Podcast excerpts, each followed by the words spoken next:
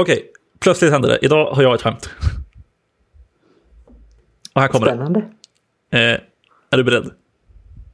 Jag är beredd. Bra. Vilka skidåkare är bäst på agil utveckling? Jag vet inte. De som tävlar i sprint. Ja. Det här är bästa skämtet hittills i poddens historia. Och det är inte alls bara för att det är mitt.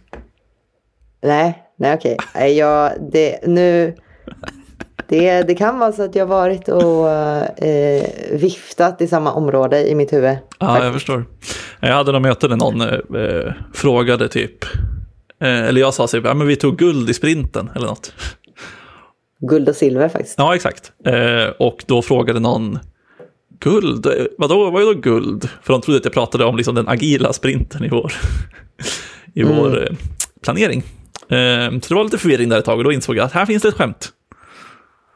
Ja, samma sak hände mig faktiskt. Min produktägare sa, har du koll på sprinten? Då trodde jag verkligen att han menade giraboarden, men det gjorde han inte denna gång. Men det känns ändå, jag är, jag är nöjd. Nu kan, vi liksom ta ett, nu kan jag ta ett uppehåll på att leverera skämt i en eh, 40 avsnitt till eller vad det var sen jag drog ett skämt. Toppen. Ingen press. Eh, jo, vart är vi? Välkommen till ett nytt avsnitt av ASDF. Eh, jag har jävligt bra Ja. energi idag känner jag. jag har, det är högt tempo så jag ska försöka hålla ner att jag inte pratar lika fort som jag kanske brukar göra. Ja, men vad bra. Då kanske jag kan eh, levlas lite med mitt extremt låga tempo. Så eh, toppen. Absolut, Ehm. det matchar nog. Ja, men jag funderade lite på, du delade ju faktiskt en video som jag kollade på, 10 minuter, em, det, vad heter den, History of React eller något sånt. Exakt. Eh, ja, det är från, eh, ja vad heter sidan? UI.dev eller något sånt där. Som, eh, jag vet inte exakt eh, vad sidan gör faktiskt. Jag vet bara att de har det överlägset bästa nyhetsbrevet inom typ eh, frontend-utveckling. Alltså det är eh, magiskt bra. Så det kan jag verkligen rekommendera alla att faktiskt eh, prenumerera på. Det är liksom typ eh, humor blandat med nyheter, blandat med dissar av det som är absurt med hela eh, frontendutvecklingen. Så det är mycket dissar om att alla frontend-ramverk tar in, investerar pengar nu för tiden och sådana där saker. Det är väldigt roligt faktiskt. Så det är lite salt, Det är ganska mycket som vi salt. säger i mitt team. Exakt, ganska mycket salt. Eh, blandat med faktiskt vettiga eh, saker som de delar. Liksom. Så att, kan vi lägga väl en länk dit i beskrivningen. Men de har också eh, någon hemsida där de också lägger upp typ massa, eh, jag vet inte exakt vad det är, man kan typ betala för att göra någonting på den hemsidan i alla fall. Jag har inte liksom tagit mig in och kollat. Och då så har de också Låt oss börjat... säga också att vi, ja förlåt. Nej, kör på. Nej, jag skulle bara säga att vi inte är sponsrade. Nej, nej, not sponsored. uh, tyvärr, men vill ni sponsra oss, då hör av er. Ehm, nej, men de har också då börjat producera massa videos och den där senaste var den jag kollade på som heter State of React, eller The History of React, uh, heter den väl kanske. Och Ja. gick då igenom lite grann om historien, varför, eller det, det är typ så här, thumbnailen tror jag var Why React Won, eller något sånt, vilket kan vara en hot take. Ja, precis. Den var ju, den var ju liksom bara 10 minuter. Det är inte en sån långkörare. Så den var ju väldigt så här, snabbt att kolla igenom. Och jag tyckte det var väldigt kul för att jag menar åren för min del stämmer ju inte riktigt överens. Utan det var ju mycket där de pratade om kom tidigare innan jag började med webbutveckling. Liksom. Men eftersom saker ändå ligger lite efter. Alltså allting byts ju inte direkt på företag och sådana grejer. Så känner jag väl ändå att jag kom in typ någonstans i bytet liksom. Så att jag kunde verkligen nu, några år senare, kunde jag se det de beskriver liksom. Det kunde jag inte mitt i det. Jag var alldeles för grön tror jag och så. Men, men jag fann det väldigt intressant att liksom tänka tillbaka på vart vi har kommit ifrån och hur långt vi har kommit liksom. Ja, exakt. För de pratar liksom, alltså, även om videon heter det, liksom, The History of React så pratar de ju om väldigt mycket andra ramverk och bibliotek som har funnits. Alltså allt från liksom, jQuery till typ Backbone och så Angular och, så vidare. Eh, så jag tycker att den gav en extremt bra liksom, överblick på ett väldigt kort eh, tidsspann. Ja. Och Men eh, Ja, precis. För jag tänker så här, jag vet inte exakt vart, jag, vi kanske har glidit in på det någon gång förut, men liksom vart, vart i tidslinjen började du? Ja, alltså det där är lite intressant för jag började väl i, så att säga, typ aldrig med native JavaScript, Vanilla JavaScript liksom. Där, där satte inte ens jag min fot, utan jag tror att kanske att det var någon labb liksom på universitetet, men jag tror att det första mötet egentligen var jQuery. Mm. Det var ju det stora liksom då. Och när började jag koda och dabbla med webb så att säga? Det kan väl ha varit 2013, 14 någonting liksom var första gångerna egentligen. Och då, då var ju jQuery jättestort och det var ju det som förenklade att göra alla wowiga saker, eh, fräscha saker i browser, browsern liksom som var logik. Um, så att det kändes som att det fanns inget al annat alternativ liksom. Nej, exakt. Så. Alltså jQuery kom redan typ 2005, 2006 där någon gång kanske. Eh, sen blev det väl inte liksom superstort direkt.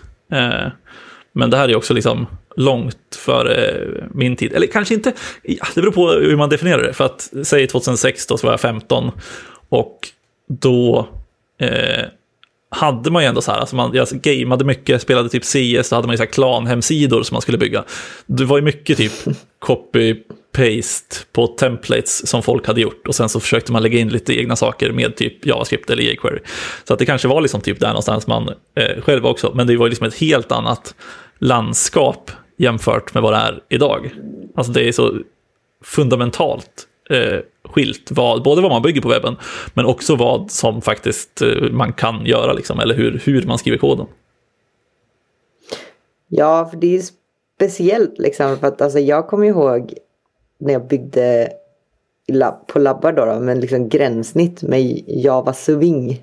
Mm. Ja, redan där är ju extremt, liksom, det känns extremt långt bort idag. Ja, verkligen. Men det var ju på något sätt väldigt häftigt då att så här, ja, det är så här jag kan bygga någonting och klicka på som mm. funkar. Och jag menar med jQuery och grejer i början var också så här, okej, okay, jag bygger en inputruta, en alert liksom som säger mig någonting så jag kan klicka på. Jag tyckte det var häftigt och nu, nu känner jag mig så mycket eh, äldre, eller jag känner mig mycket efter så här, för att jag, jag upptäckte de här sakerna väldigt sent när saker verkligen hade, hade börjat bygga system och grejer Eh, i JavaScript och så. Så att jag var ju väldigt sent på den bollen. Men jag för min del så hade jag nog ingen relation någonsin till att jag kunde bygga saker som, som kunde användas och existera liksom. Så att jag var rätt sen på den bollen. Mm. Ja, exakt. Sen, jag vet inte liksom så här, vart jag, alltså så här, jag, första gången jag tänker att jag kommer i kontakt med liksom lite mer moderna ramverk, om vi ska klassa dem som typ Angular kanske var tidigt ute och React och, och sen Vue så småningom. Eh, det är nog första steget in i liksom det moderna för mig. Men sen fanns det väl massa grejer innan. Jag kommer liksom inte ihåg vart typ Backbone, vilken, del, vilken plats i tidslinjen den har. Om den kom liksom... Det måste ha kommit innan Angular antar jag. Ja, för Backbone var ju liksom, och det satt jag i, det var väl som någon typ av eh, Model View-modell liksom som eh, förlitade sig på att använda HTML-templates och sen trycka in logik i det eh, som uppdaterades när mm. modellen uppdaterades. Men det var ju också mycket jQuery. I alla fall i det projektet jag satt i. För att det var mycket liksom, muteringen av templaten gjord med hjälp av jQuery. Liksom. Ja, exakt. Det kom 2010, kom till en eh, Backbone. Och eh, ja, precis, då är det ju ändå ganska tätt in på, alltså visst, fyra år efter, efter jQuery, men jQuery blev ju inte superstort på en dag direkt. Nej, var det en sån här MVVC eller? Model View View Container? Ja, det skulle kunna vara något sånt. Jag funderade också på vilken av alla de här det är. Men det, det, var väl lite grann också så här, för då var ju också alltså MVC och MVVC, alltså Model View Controller och Model View, View Container eller Controller, ja, ja. Eh, Controller säkert. Var, eh, var ju väldigt poppis, alltså redan då. För det vet jag liksom att, ja men 2000 10 började vilja plugga på universitetet och det var ju typ det som lärdes ut. Liksom. Det var liksom ASP.NET och allting sånt eh, kring det. Eh, som hade funnits väldigt länge vid det här laget och ändå var liksom, ja men det är så man gör. Och då var väl Backbone, om jag inte minns fel nu, någon typ av liksom, så här, ja men vi vet att man kan, Model View Controller funkar väldigt bra på backenden, så vi försöker ta den till fronten också typ. Ja. Alltså jag, oh, jag, jag kämpade så mycket med det där så mycket, så mycket, så mycket. För att jag menar det var ju, och det pratade de om i videon också, att, att brytet kom att folk var hela tiden så här, om modellen uppdateras, då uppdaterar vi alla vyer som beror på den modellen liksom. Mm. Och då menar vi verkligen alla vyer som beror på den modellen. Och det är massa vyer som beror på samma modell. Så det gick jag sönder saker jättelätt. Utan att ha koll på det liksom. Ja, men verkligen. Och alltså, så här, jag klev väl kanske in i det här när Angular kom, eller det var där, där jag började med när jag liksom gjorde lite mer fronten-grejer än backend som jag gjorde först. Eh, och där kändes det, då, där och då kändes det som att den här two-way data binding som Angular liksom, eh, populariserade, av inte annat, var liksom, fy fan vad smart det här är. Alltså det är liksom mm. det bästa som jag har varit med om. Att Angular ser till att lyssna på liksom alla ändringar som sker i domen, uppdatera datan beroende på det. Och om datan ändras så uppdaterar den eh, motsvarande plats i domen. Liksom. Eh, och det var ju eh, magiskt för mig som inte hade gjort så mycket annat innan, men bara suttit med typ jQuery, att ja, men det är jQuery, då synkar man, man skriver ut saker i domen, bla bla. Och man sitter och lyssnar på saker i domen och sen uppdaterar man datan manuellt. Att bara liksom kunna slänga på en, jag kommer inte vad det heter, model, eh, liksom, direktiv på Eh, ett, eller, eller på en element i domen och så helt plötsligt synkar den datan. Alltså det var ju magi. Ja, det kan jag fasen förstå alltså. Men alltså, jag tror att jag missar lite av den här magibiten för att jag inte kunde JavaScript liksom. Mm. Eller, eller jag menar, alltså programmera i dem eller i, i en browser överhuvudtaget. För att jag, jag kommer ihåg det var någon gång jag fick eh, skit för att jag liksom hade ju i Backbone för att jag skulle behövde lyssna på förändringar så hade jag väl skapat en hel del lyssnare. Men eh, glömt att liksom eh, ta bort dem också. Och jag fick, jag fick ju rätt mycket skit för det kommer jag ihåg. Och jag, jag tror inte jag, jag fattade inte ens vad de sa när de förklarade vad jag hade gjort. För att jag hade ingen koppling riktigt till events och domen. Och, för att jag kom ju ändå från liksom backend-sidan så i plugget. Alltså isolerade små funktioner i sandboxade ytor för labbar. Alltså logik, göra dubbellänkade listor och sådana saker. Så jag hade noll koppling egentligen till dem. Men så jag var så sjukt förvirrad så jag tror inte jag fattade magin. Jag bara visste att allt var trasigt hela tiden. ja, för det blev ju, alltså så här, man märkte ju det, eller i alla fall jag märkte det, att eh, den här tvåvägs liksom, synken var ju nice, men sen som sagt helt plötsligt så betyder det att ja, men den uppdaterar på jättemånga olika ställen samtidigt och så vet man inte riktigt vad som händer. Eh, och samma Nej. sak att när man helt plötsligt då har samma data på flera olika platser i domen så tog det liksom, alltså, i och med att Angular var tvungen att typ lyssna på all, alla liksom element som man hade eh, bindat till, eh, eller liksom bundit någon typ av data till, så eh, tog det också en liten performance-skada eh, liksom, av det. Ja.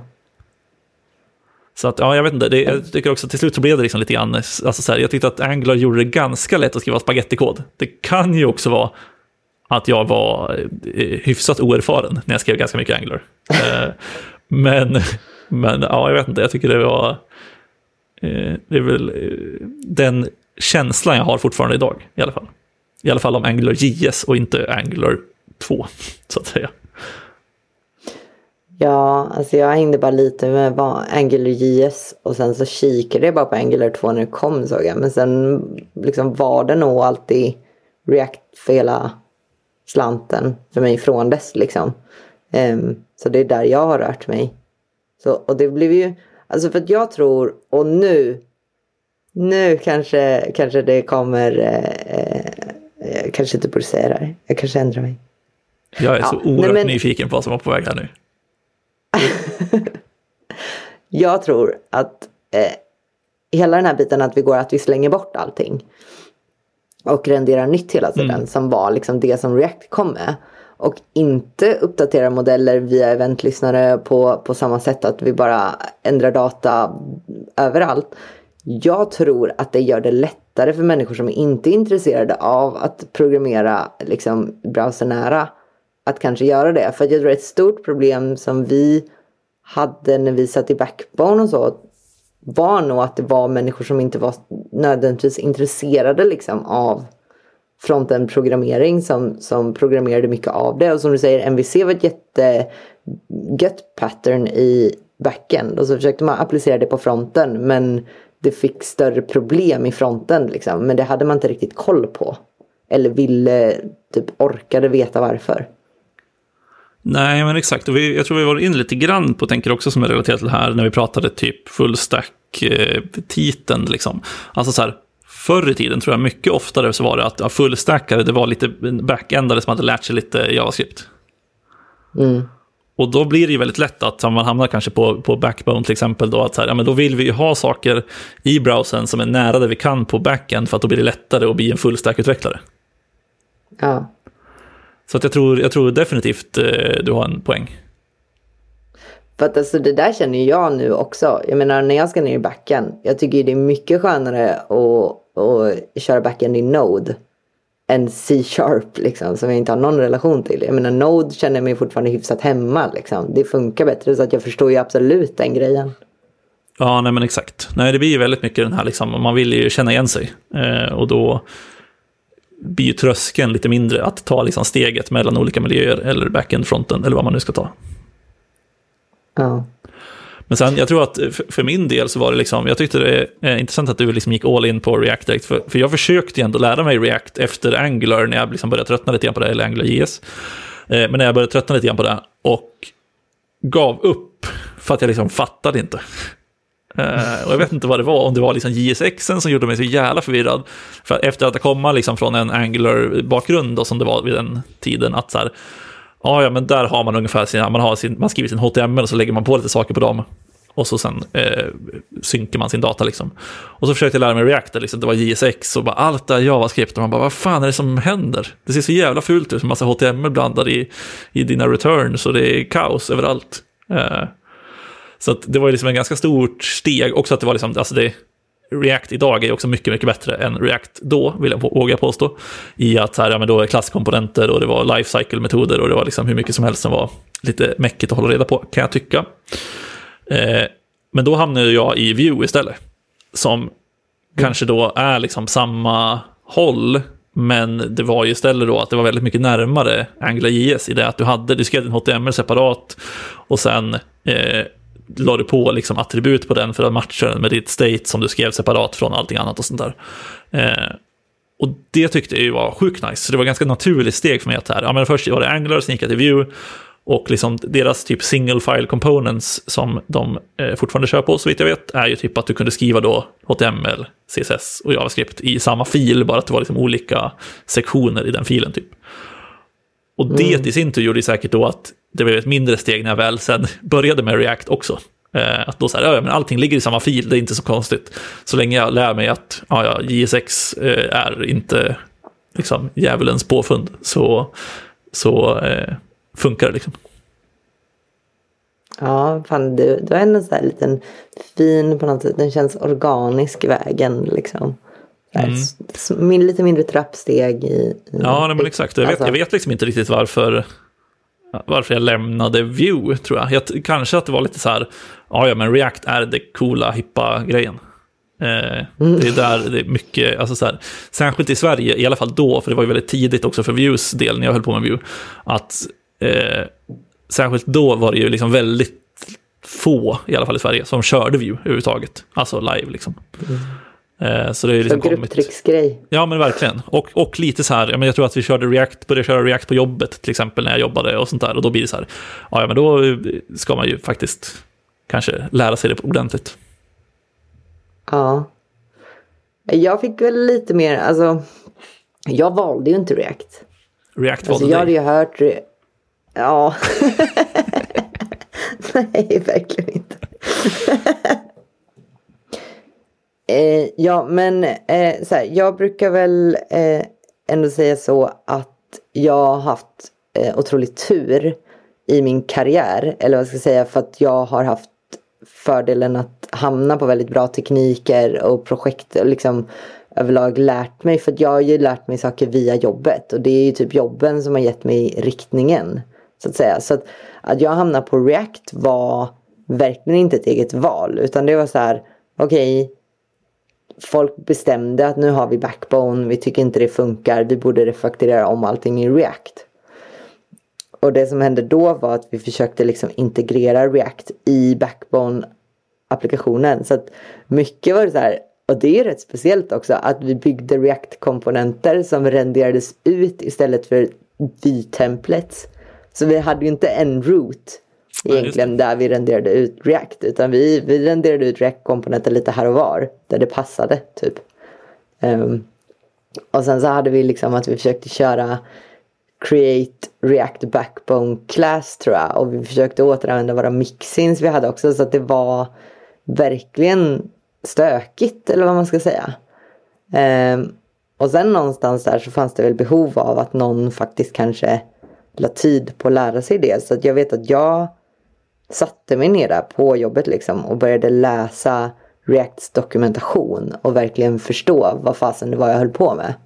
Och jag förstod ju verkligen inte allt för jag hade alldeles för dålig grund liksom gällande webbkodning över, överlag. Men det la ju ändå en väldigt så här, tydlig grund till vad jag höll på med och vad jag skulle fortsätta med på något sätt. Ja, just det. Ja, men det har vi ändå pratat om lite grann innan, att så här, du lär dig väldigt mycket saker genom jobbet, typ. Och jag kanske ja. lite mer har liksom en eh, utforskande eh, hobbyverksamhet, så att säga. Jag måste ha viss press för att orka göra någonting överhuvudtaget. Ja, också, också kanske den, den eh, eh mest vettiga approachen. Man vill ju gärna bli pressad till att göra saker för, innan man gör dem. Alltid ha en deadline som man mår lite dåligt hela tiden. Exakt. Ja, nej men det, jag förstår verkligen det. För att så här, jag tror ju också att jag hade förmodligen lärt mig React bättre, eller Vue bättre, eller Angular JS bättre. Om det hade, eller Angular kanske är ett dåligt exempel, men de andra liksom, som jag körde lite mer på fritiden. Eh, hade ju förmodligen lärt mig dem liksom bättre om jag hade suttit i något riktigt projekt med andra som också kodade det. Och att man kunde liksom diskutera saker och sådana saker, mer än att man bara, ja ja, nu ska jag hitta på någonting här som jag ska bygga, och så bygger jag det med det här och så får det bli som det blir. Liksom. Även om den friheten är ganska skön. Ja, men jag tycker också det blir en så här, det är en väldigt speciell sak som jag funderat mycket på på sistone. Att om jag sitter med andra personer som kan mycket så kan de lära mig saker som, som jag inte kan. Liksom. Men det kan också bli så, har jag märkt, att jag inte lär mig någonting. Eller jag lär mig inte tillräckligt istället. För att jag kanske skulle behöva sätta mig ner och verkligen förstå i grunden vad vi håller på med. Men eftersom andra personer vet vad vi håller på med så kan de bara köra och producera liksom. Mm. Um, och det var ett sidospår. Men bara någonting jag tänkt mycket på på sistone. ja, nej, jag, jag, tror att det är som säger, det krävs ju liksom någon typ av balans. Liksom. Och sen beror det kanske lite på vad man är för typ av person eller hur man lär sig kanske snarare. Att så här, vill ja. man grotta ner sig lite mer så är det kanske svårare att göra det liksom på arbetstid om man inte liksom verkligen dedikerar tiden att ja, nu ska jag sätta mig här och lära mig den här saken. Jämfört med som du säger att om man ska producera någonting och så bara, men nu ska vi få ut den här saken och inte kanske göra det på det mest optimala sättet med just det här ramverket. Liksom. Ja. Men alltså, om man så här, funderar på vart vi är nu då. Liksom. För att mm. vi har alltså, man har alltid, alltid pratat om att fronten det rör sig så himla fort och imorgon så kommer det något nytt och så här. React har ju varit stort så himla länge nu och jag, jag tänker ju ändå lite så, eller det kanske bara, jag kanske är naiv och hoppas att React kommer finnas länge nu. Att det inte kommer något som kanske tar över på det sättet. För jag, jag kan ju också tycka att det har tidigare så har någonting alltid skavt väldigt mycket. Det har varit väldigt svårt att bygga saker och jag upplever ju kanske inte att vi är där nu och det är kanske att jag är naiv igen. Men just att React känns som att det funkar. Men jag är ju också extremt biased. Mm. Ja, alltså om jag ska eh, filosofera, eller vad säga, men om jag ska liksom eh, gissa lite grann hur det kommer bli i framtiden så tror jag att vi kommer ha ändå ett par stora ramverk, alltså typ Vue kommer inte försvinna, Svält kommer inte försvinna förmodligen, eh, React kommer absolut inte försvinna så vitt jag vet. Eh, alltså så här som jag tänker, för det, det är liksom blivit så pass stort. Jag skulle tro att det inte är allt för lång tid, till exempel innan React, eller innan Facebook släpper kontrollen över React. Eh, vilket jag tänker att folk inte tror att de kommer göra, men jag är hyfsat säker på att det kommer ske.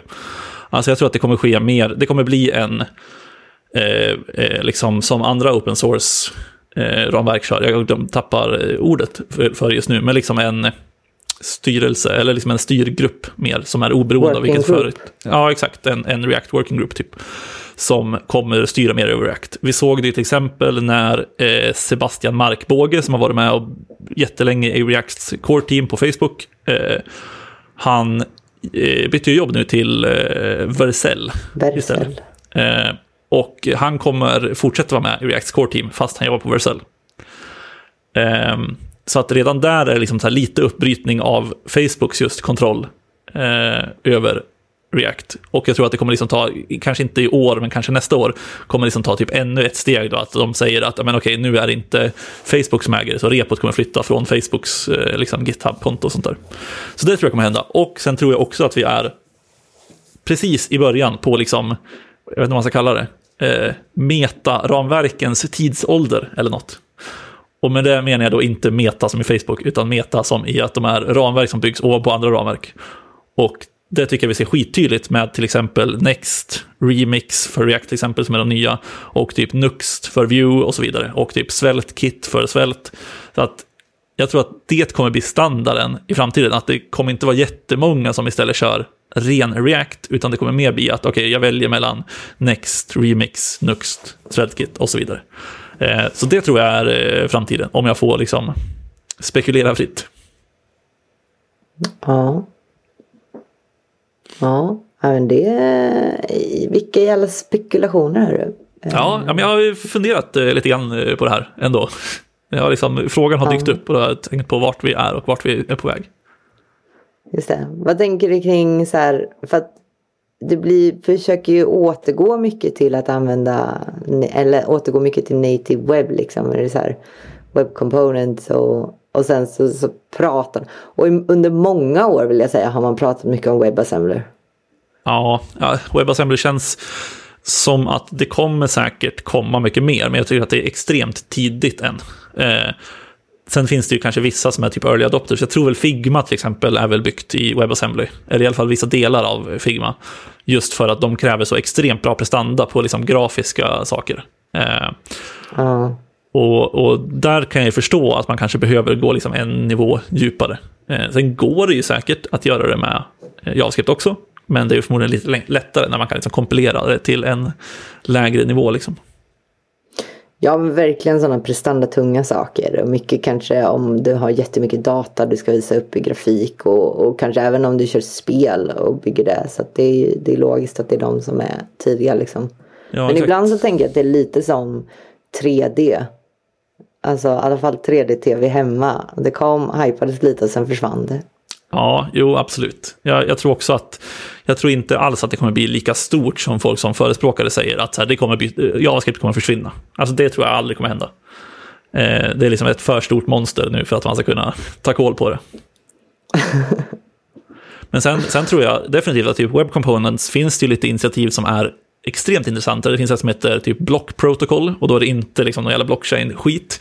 Eh, utan det är, eh, jag kommer inte ihåg vad han heter nu, men det är en, eh, en prominent webbutvecklare som bland annat ligger bakom det. Eh, som, och det handlar om att de vill skapa ett protokoll, alltså en standard då typ för hur man ska kunna definiera olika det blir väl webbkomponent eller webbkomponent liksom. Men som är för typ, om du tänker dig appar som Notion eller OneNote eller vad det nu kan vara.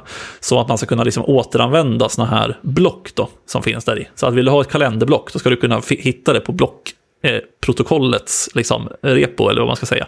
Och så ska man återanvända det. Och då ska man också kunna då använda samma block över flera olika typer av appar. Eh, så att det är ju skitambitiöst. Eh, och det har gjorts extremt många försök tidigare att få det att funka. Men, men det är eh, ändå intressant eh, att det är liksom någonting som är på G. Eller som folk jobbar på. Ja.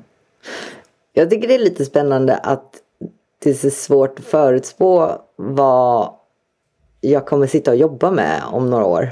Ja, absolut.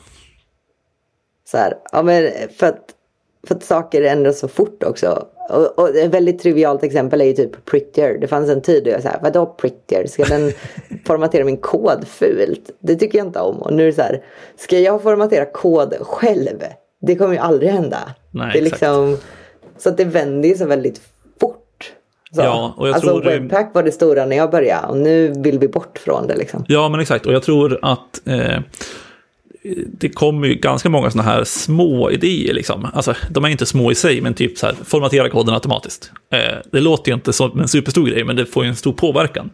Samma sak tror jag till exempel att Remix, då, som jag, jag kommer inte ihåg om jag nämnde tidigare, men det är det här nya ramverket från React Router, eh, upphovsmakarna, eh, som typ tar en liten alternativ approach mot det till exempel Next har gjort tidigare. Och då är det ju att mycket, alltså så här, allting är eh, serverrenderat i stort sett och så försöker de använda så mycket av liksom webbens inbyggda saker som möjligt.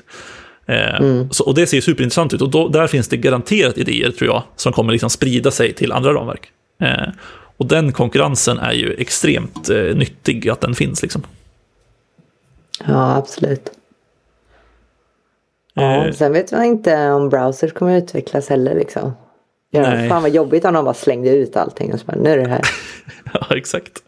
Nej, det är browser slutar utvecklas. Eh, Jag såg någon tweet häromdagen, jag ska se om jag kan hitta den igen och länka den, men det var typ någon som skrev något i stil med att eh, man glömmer lätt att liksom, eh, browsers är liksom en 60 frames per second renderingsmotor. Och att, jag tror att de skrev typ att det var en 60 fps, vad fan sa de? First person scroller eller något sånt där. Eh, istället för en 60 fps shooter. Men eh, i vilket fall, men det, det är definitivt en sak man liksom glömmer ganska lätt tycker jag. Ja. Ja, men eh, vi kanske ska sluta sitta och spekulera och återgå till jobba. jag kan, jag kan slänga ut en sista spekulation, eh, så kan jag, bara för att när det väl händer så tänker jag att då kan jag säga, ja det här sa jag för länge sedan. Eh, Och så har du ju ljudbevis. Exakt. Eh, och det är ju då att jag tror att Create React App kommer dö inom de närmsta åren. Ja, jag kommer inte säga emot dig. Nej, jag tror att det kommer dö för att, bland annat då för att alla de här meta-ramverken kommer ta över den rollen. Ja, de senaste projekten jag har skapat på hobbynivå har jag ju kört eh, Create Next App. Så. Ja, men exakt. Eh, så jag, jag tror det. Eh, det var min sista spekulation i det här. Fan, det är ett, ett långt avsnitt idag. Men det eh, får det vara ibland. Ja, men det är också oklart för det har kantats av tekniska problem på min sida. Så vi får se. Ja, men det är ingen som har märkt när jag har klippt ihop det här sömnlöst. Vi får se. Det återstår att se. Går det åt helvete så kommer, Men- det ligga, kommer, kommer det ligga en liten pling när vi klipper och bara, ja ja, här gick det fel. Ja, men i alla fall. ehm, tack så mycket för idag. Och vi finns på Twitter och iTunes och ni vet de här grejerna. Eh, ha det bra så hörs vi om två veckor. Det gör vi. Vi säger så. Bye bye. Hej!